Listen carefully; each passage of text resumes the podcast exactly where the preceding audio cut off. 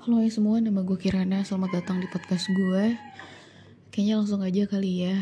Uh, kalau misalkan kalian sekarang-sekarang ini lagi ngeliat podcast yang lagi viral itu dia ada bahasan tentang anak yang dibiayai sama uh, dokter Richard lah ya, namanya Farel, Farel Aditya gitu dan kayaknya ini tuh pembahasan ini udah banyak banget yang ngomong banyak banget yang berpendapat dan banyak banget juga yang kesel.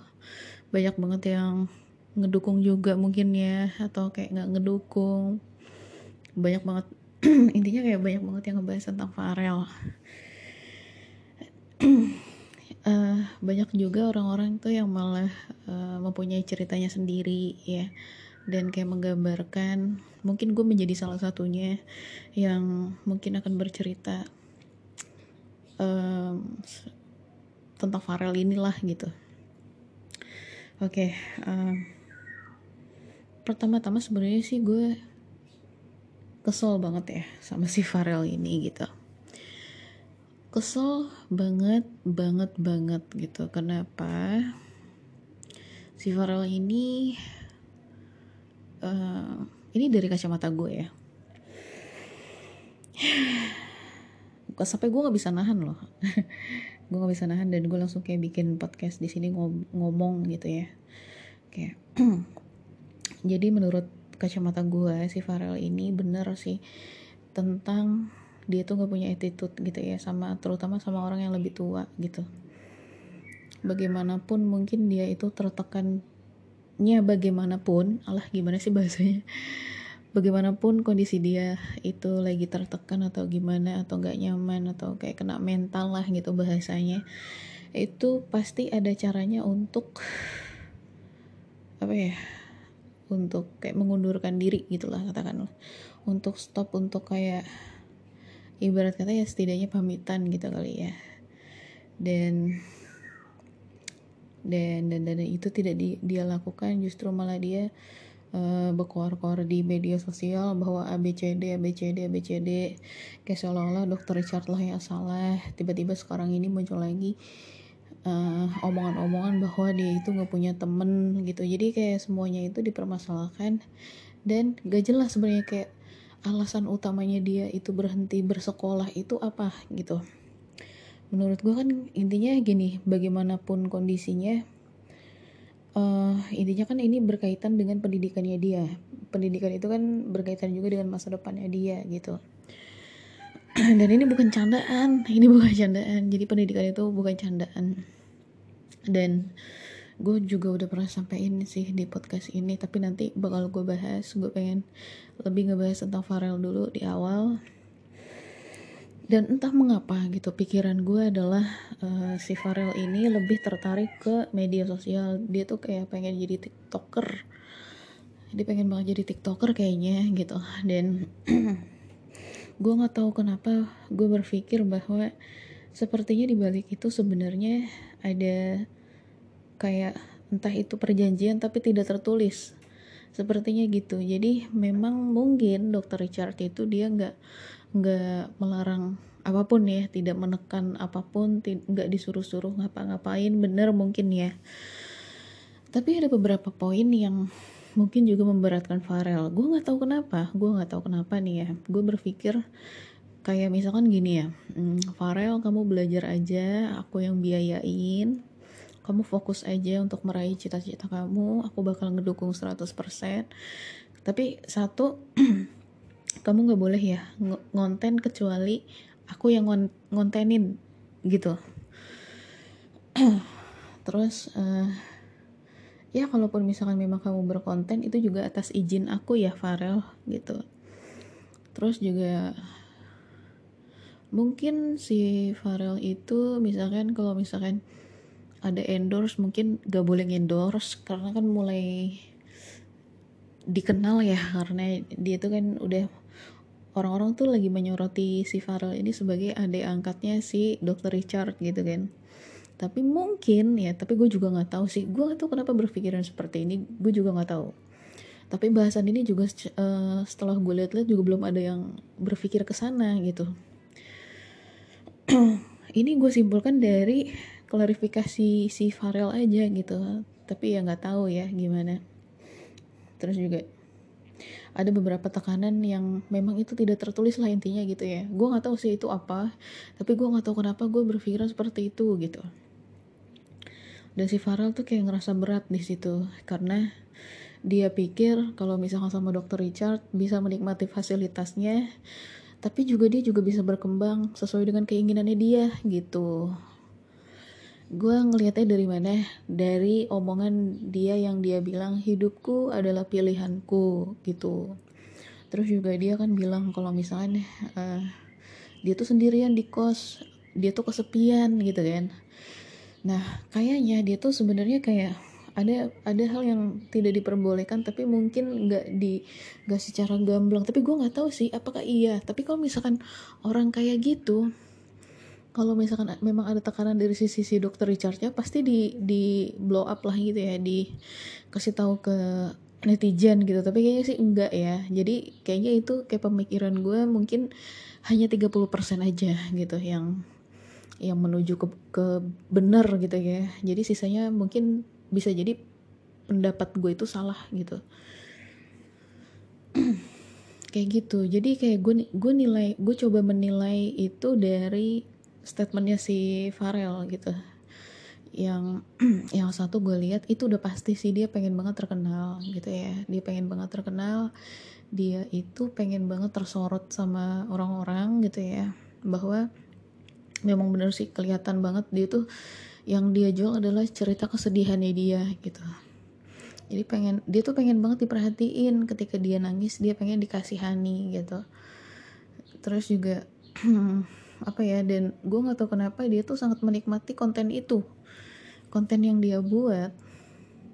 Kebanyakan itu cara untuk menarik si apa penontonnya itu adalah dengan kesedihan. Gue nggak tahu kenapa. Apakah memang memang apa ya namanya memang uh, itu tuh cara populer dia? Mungkin kayak gini dia pada saat itu mungkin dia bercerita tentang orang tuanya dan itu uh, bisa menarik banyak banget penonton. Dan dia kayak melanjutkan kayak part 1, part 2 seolah-olah seperti itu.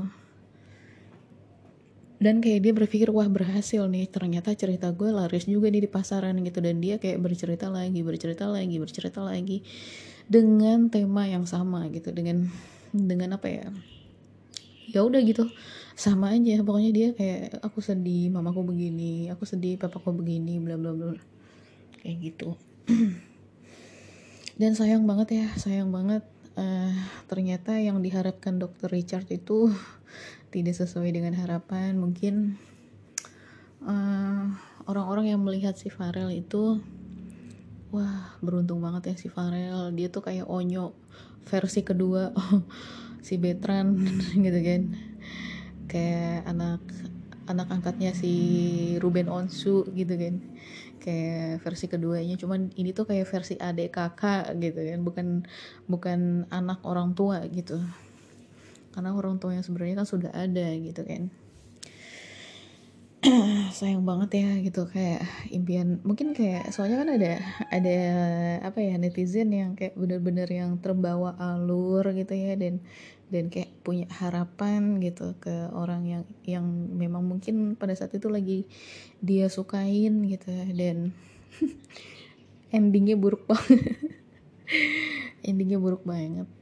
Dan ya gue tadi pagi sampai tadi pagi pun tadi pagi ketika gue bangun um, itu yang muncul FYP-nya adalah lagi-lagi ya. Mungkin karena gue tuh uh, lumayan mengikuti gitu ya alur cerita si Farel ini. Jadi FYP-nya sampai bangun tidur tadi muncul lagi gitu. Dan gue gak tau kenapa maaf ya Farel gue tuh kayak pengen nampol muka lu sumpah. Gue pengen banget nampol muka lu yang kayak ketika ngomong dia tuh kan sambil kayak senyum gitu kan kayak senyum terus kayak ketawa kecil di bibirnya. Mm, gemes banget kayak gue nggak tahu kenapa boleh kali ya satu bogem aja. Untuk menuntaskan apa ya hawa nafsu gue untuk kayak mukulin muka lu gitu. Aduh, ya gitulah. Tapi oke okay, itu mungkin cukup cerita tentang si Farel ya. Dan gue akan bercerita tentang diri gue gitu. Mungkin gue itu tidak setragis Farel gue dari keluarga tapi gue juga bukan keluarga yang keluarga cemara bukan. Bukan gue bukan dari keluarga cemara. Biar kata mungkin ya dengan stat masih status suami istri orang tua gue tuh kayak masih status suami istri tapi uh, jujur sangat keluarga yang sangat dingin gitu. Tidak ada keharmonisan di dalamnya. Bahkan bahkan kayak orang tua dan anak itu sangat ada jarak gitu. Gue gue berasa banget. Dan pokoknya uh, gue tuh benar-benar sebagai anak itu ber gue tuh nggak punya pilihan. Sebagai anak dulu tuh gue tuh nggak punya pilihan. Harus A B C D semuanya. Sorry keganggu gue lanjutin lagi ya gue juga uh, eh, gue ulangin lagi kali ya sedikit ya. Jadi gue tuh bukan dari keluarga yang harmonis yang pokoknya gue dari keluarga yang dingin dan nggak demokratis gitu. Pokoknya bener-bener gimana ya orang tua gue tuh jadul banget gitu. Jadul banget dan ya kalian bisa lanjutin sendiri lah ya gitu. Kayak udah kira-kira udah ada gambaran belum tentang orang tua gue? Ya pokoknya kayak gitulah. Pada suatu hari gue tuh kayak pengen banget gitu ya. Gue pengen keluar dari keluarga gue gitu. Gue pengen mandiri. Gue pengen gue tuh kayak punya pilihan gue sendiri gitu. Gue tuh pengen ngejalanin hidup gue lah gitu dengan tanpa kayak disuruh dan itu tuh harus gitu loh. Udah disuruh itu tuh harus gitu. Dan kayak gue tuh seolah-olah kayak gue nggak punya jalan gitu ya. Dan ya gue pengen pokoknya gue pengen dari SMP nih dari SMP gue kayak gue pengen suatu hari nanti gue pengen SMA itu di luar kota. Gitu dan benar kejadian gitu kan ya. Ada satu kesempatan di mana gue tuh akhirnya disetujui sama orang tua gue untuk sekolah di luar kota gitu. Rumah gue di Depok gue uh, sekolah di Jogja gitu. Gue pun di sana apakah enak? Enggak. Enggak. Di sana tuh ketika gue yang yang anak dari luar kota gitu ya sekolah di luar kota gitu. Anak dari luar kota sekolah di luar kota tuh gimana? Jadi gue dari Depok ke Jogja gitu ya dan sekolah di sana.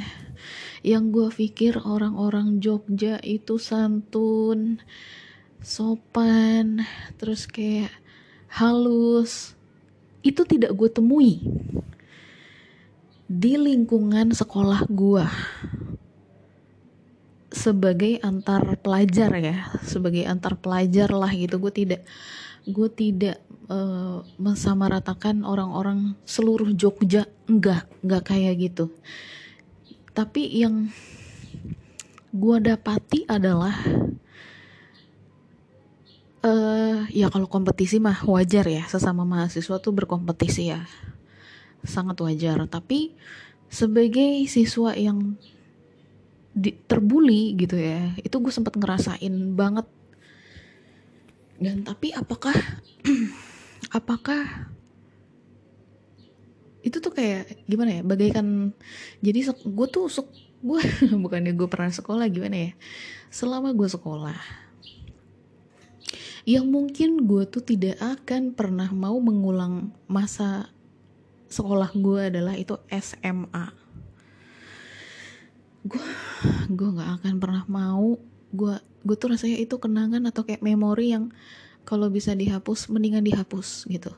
Dari hidup gue dan gue nggak mau mengulangi itu lagi gitu. Jadi kayak gue tuh kayak pikiran gue tuh oke okay, gue pengen sekolah di Jogja orangnya pasti asik-asik gitu. Orangnya pasti santun-santun enak gitu ya. Apaan?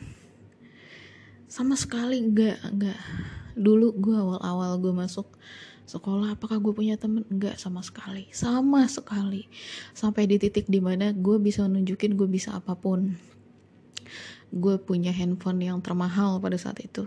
Nokia 6600 tuh kalau udah dibawa ke kampung gue udah berasa jadi ratu gitu serius serius gitu. Apalagi dulu kan zamannya Agnes Monica yang handphonenya kayak gitu-gitu ya. Kayak dulu kayaknya zaman sinetron yang kalau orang pakai 6600 tuh kayak udah kayak lu tuh orang kaya gitu.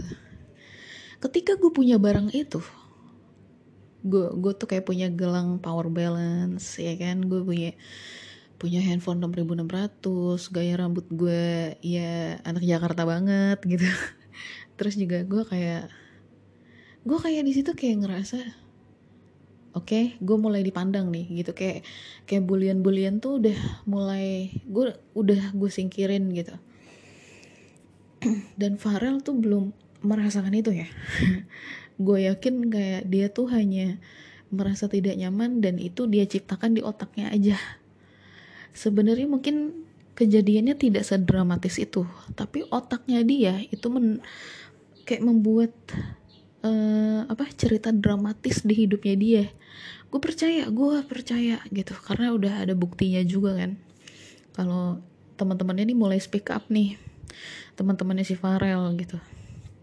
Itu tuh gue yakin Farel gak ngerasain dibully.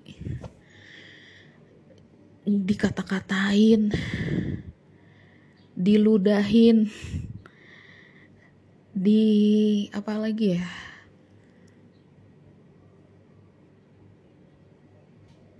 gue rasa intinya tuh kayak gue jujur ya gue sebenarnya banyak banget kejadian yang kalau boleh drama eh bisa aja gue ceritain dan gue jadikan sebuah drama. Tapi gue udah mencoba untuk kayak melupakan jadi kayak gue tuh masih kayak samar-samar gitu dan memang gue pengen banget gue ngelupain masa-masa gue SMA padahal masa-masa SMA itu gue pertama kali gue dapet pacar Febri itu pacar pertama gue pada saat SMA tapi apakah gue mengeluh ke Febri? Gue yakin sejuta persen Febri pun gak tahu. Karena gue kayak Farel. Farel. Farel.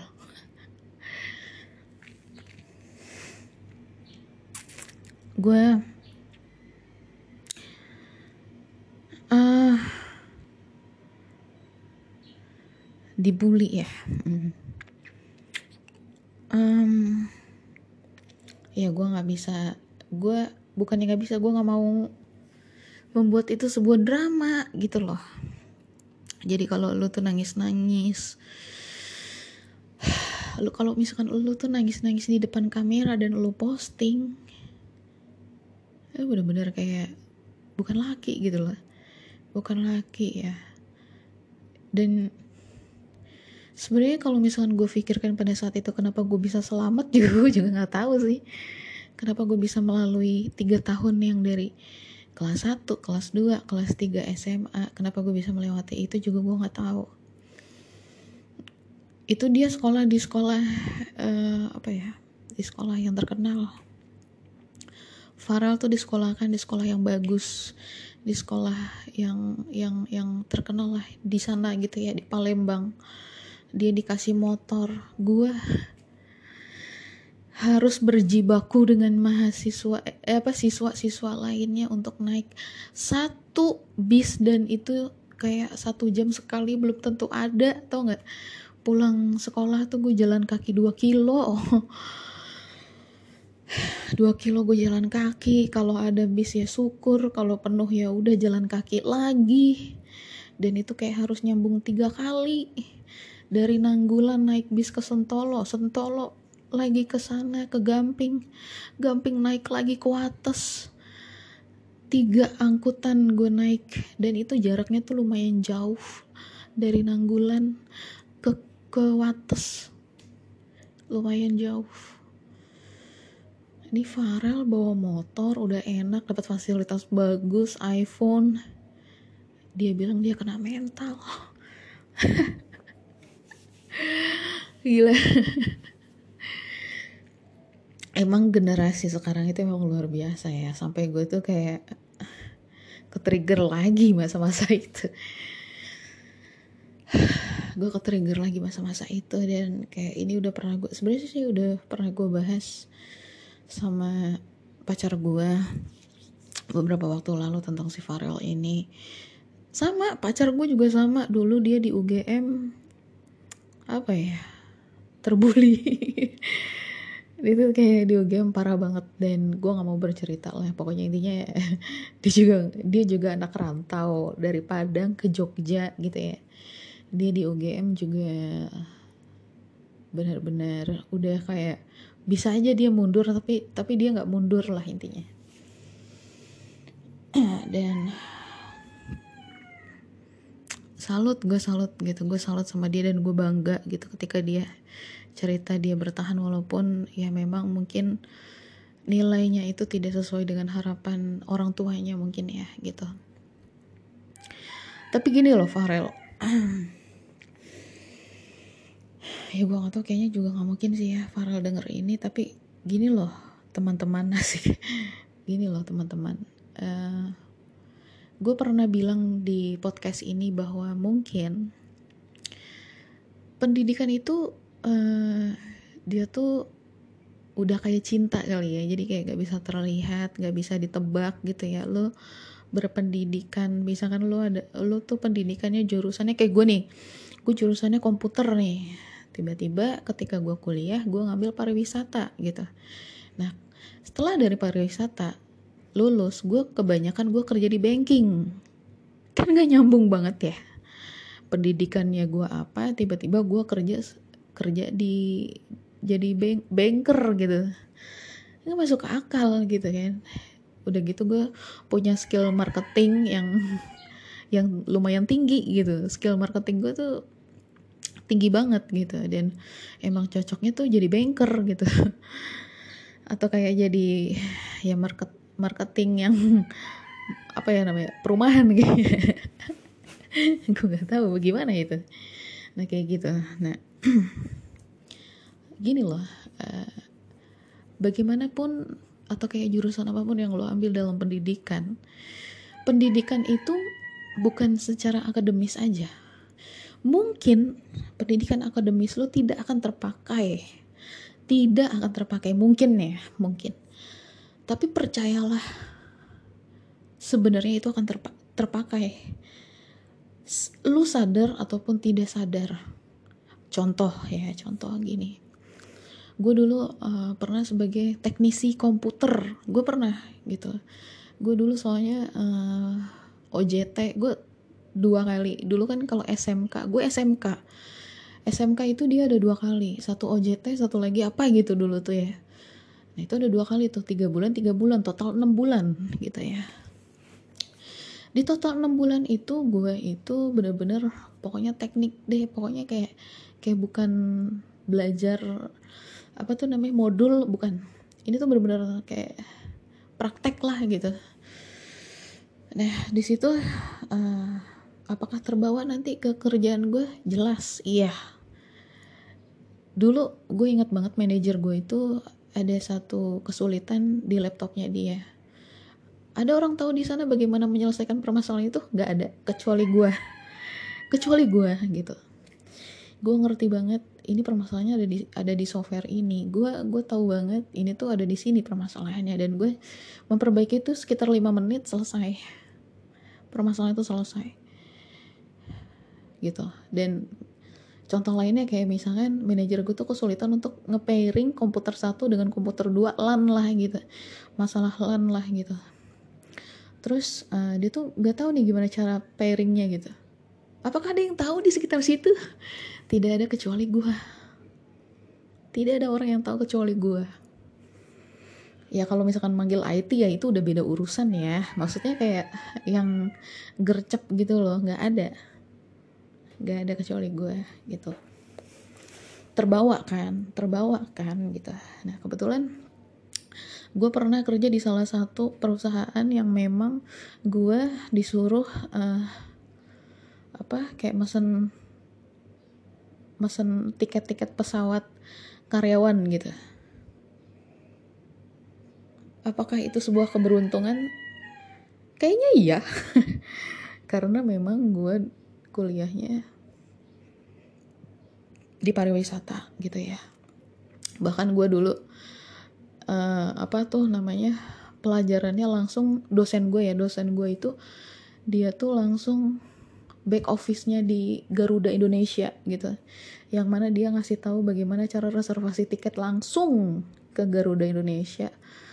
Dan gue baru tahu cara ngebaca green screen di Garuda Indonesia tuh kayak gimana kayak gitu-gitu dan apakah itu benar-benar kepake? Karena banyak banget istilah di apa ya namanya di reservasi. Bukan yang kayak tipe travel traveloka bukan ya gitu. Ini beda. Ini langsung ke uh, ininya ke sistem maskapainya gitu. Dan itu banyak banget istilah. Apakah kalau misalkan gue seandainya gue nggak kuliah atau nggak belajar tentang itu apakah gue tahu? Belum tentu. Belum tentu gitu jadi mungkin memang udah jalannya di situ gue jadi tahu gitu. Dan misalkan ada istilah banyak banget istilah tapi jujur gue udah lupa ya. J apa terus apa apa apa apa gitu gitu banyak banget singkatan yang yang dulu dulu gue tahu jujur. Tapi kalau misalkan sekarang wadaw baca lagi dah gitu ya. Gitu. Dan kayak banyak banget hal yang udah gue lewatin ya. Gue tuh pindah-pindah perusahaan itu udah lebih dari 11 perusahaan gitu. Saking jujur ya gue mungkin sedikit banyak sama kali ya sama si Farel. Jadi kalau gue tuh lebih ke bosen sih bukan bukan kayak kena mental akhirnya pindah perusahaan bukan. Gue bosen. Bosen terus tiba-tiba ada tawaran lagi dari perusahaan lain gue pindah lagi. Ada perusahaan perusahaan lain kayak nge-hire gue lagi gue pindah lagi gitu. Di situ uh, apakah memang di satu sisi di Indonesia ini jeleknya itu ngelihat lama lama apa ya lama lu tuh kerja di sini kayak kayak pengalaman gitu ya. Pengalaman kerja di satu perusahaan dan lamanya mungkin jeleknya Indonesia gitu kali ya atau di luar sama gue juga nggak tahu sih. Tapi kayak menurut gue nggak adil nggak adil gitu. Kayak gara-gara gue sering pindah perusahaan gue dinilai ya mungkin karena takutnya ketika udah di hire lagi takutnya gue pindah lagi gitu kali ya mungkin kayak gitu. Ya gue nggak tahu sih kalau dari sisi psikologinya caranya perusahaan melihat yang apa namanya pekerja kompeten memang seperti itu ya ya ya ya ya ya ya, ya udah gitu. Tapi jujur uh, dari pindah-pindah itu gue kayak pindah-pindah kan juga gue job desknya berbe berbeda-beda nih walaupun banyak di bank gitu ya. Beda-beda. Tapi kayak di situ gue banyak banget belajar. Jadi kayak ketika gue pindah di satu perusahaan yang satu gue uh, gue udah tahu nih pekerja karena karena ini tuh kayak berkaitan dengan pekerjaan gue yang sebelumnya. Dan begitu pun selanjutnya selanjutnya selanjutnya kayak gitu.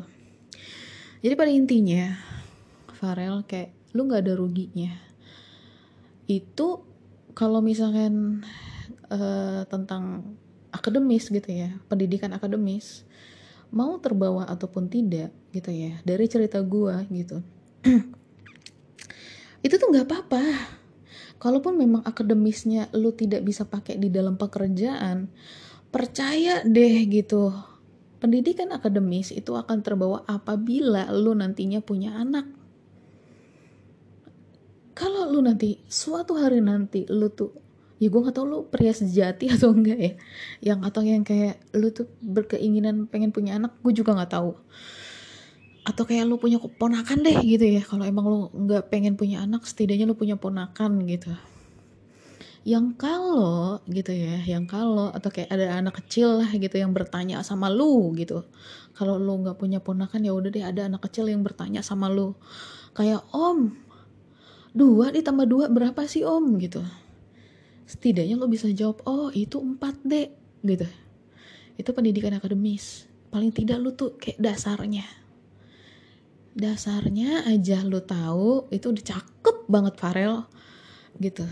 Lo tuh udah cakep banget. Udah muka lo udah gue akuin udah cakep dah gitu ya. Apalagi bulu mata yang lentik itu gitu. Hmm pengen gue cetol pantatnya gitu kan. Kayak kesukaan pacar gue banget itu sumpah laki-laki yang kayak selai banget kayak gitu kayak pacar gue cinta banget sama lu gitu. Gitu pokoknya si Farel emang aduh ya gitu si Farel ya gitu. Jadi setidaknya kalau misalkan ngomongin tentang pendidikan akademis itu akan terpakai nanti suatu hari nanti gitu. Gue percaya gitu. Sampai kapan pun itu akan terpakai gitu. Paling tidak yang basicnya gitu. Dan lu memilih untuk uh, iya kalaupun nanti gue masih bisa lanjut sekolah gue bakal lanjut. Kalau enggak gue pengen kerja di Bali. Hmm, uang ya. Memang memang sih ya Farel ya. Jadi kayak kehidupan itu tidak lepas dari uang ya. Memang uang itu bukan yang utama tapi butuh gitu ya. Emang sebuah kebutuhan. Kalau misalkan lu nggak punya uang memang lu nggak akan bisa makan lu nggak akan bisa ngebahagiain nenek lu. Dan tololnya lu memilih jalan yang lebih lama daripada jalan yang memang sudah lu kayak masa depan lu tuh udah di tangan lu gitu terus kayak lu memilih jalan yang sulit. Lu zodiak lu apa? Farel ngomong sama gue sini ayo ngomong gitu zodiak lu apa sini? Ayo debat sama gue.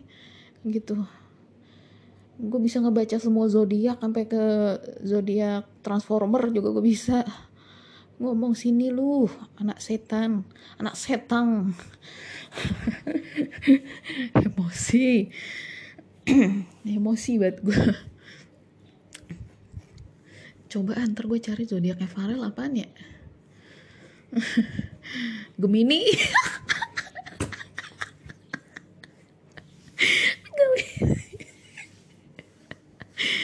Ada Gemini.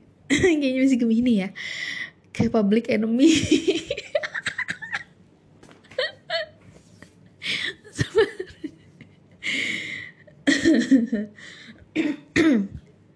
Kalau bener Gemini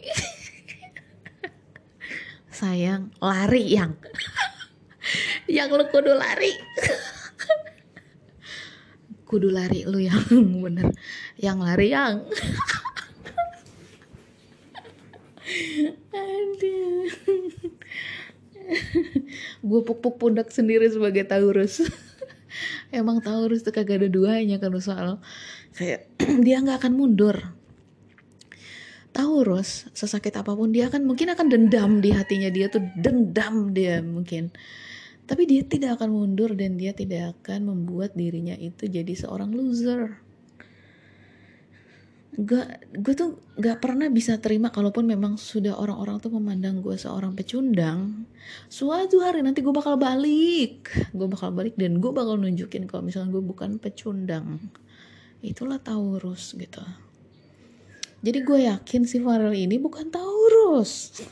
Dia dari bangsa lain. Mohon maaf Farel. Pertanyaan gue cuma satu. Zodiak lu apa babi?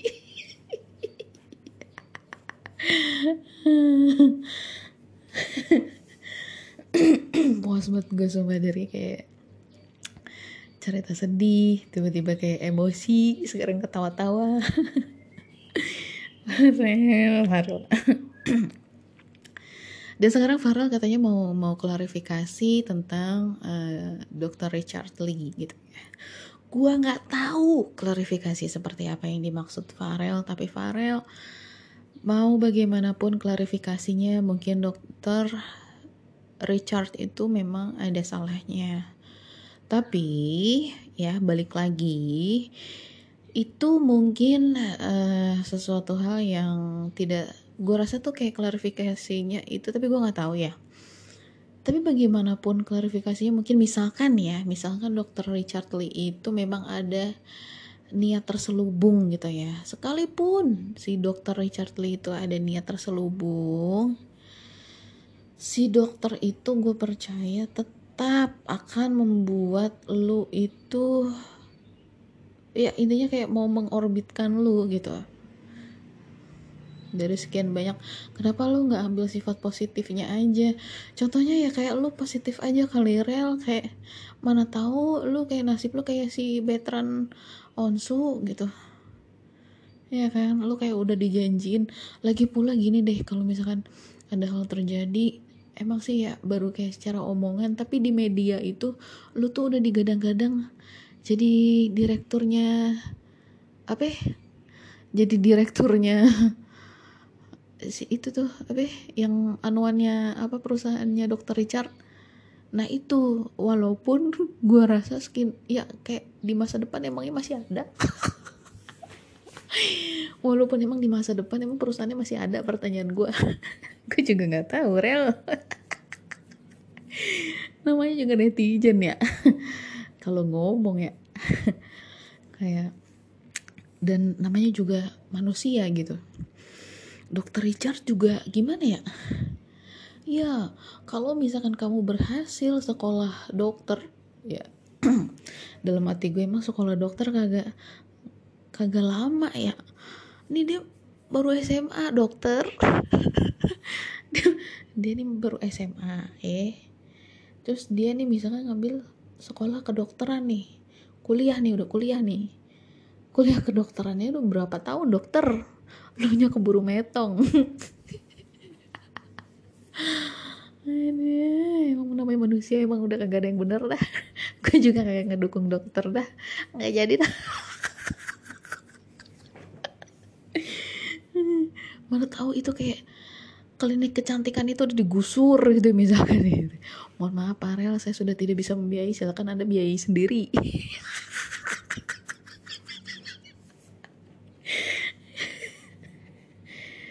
Aduh Farel Ada deh Serah lu deh Farel Mungkin lu udah bener.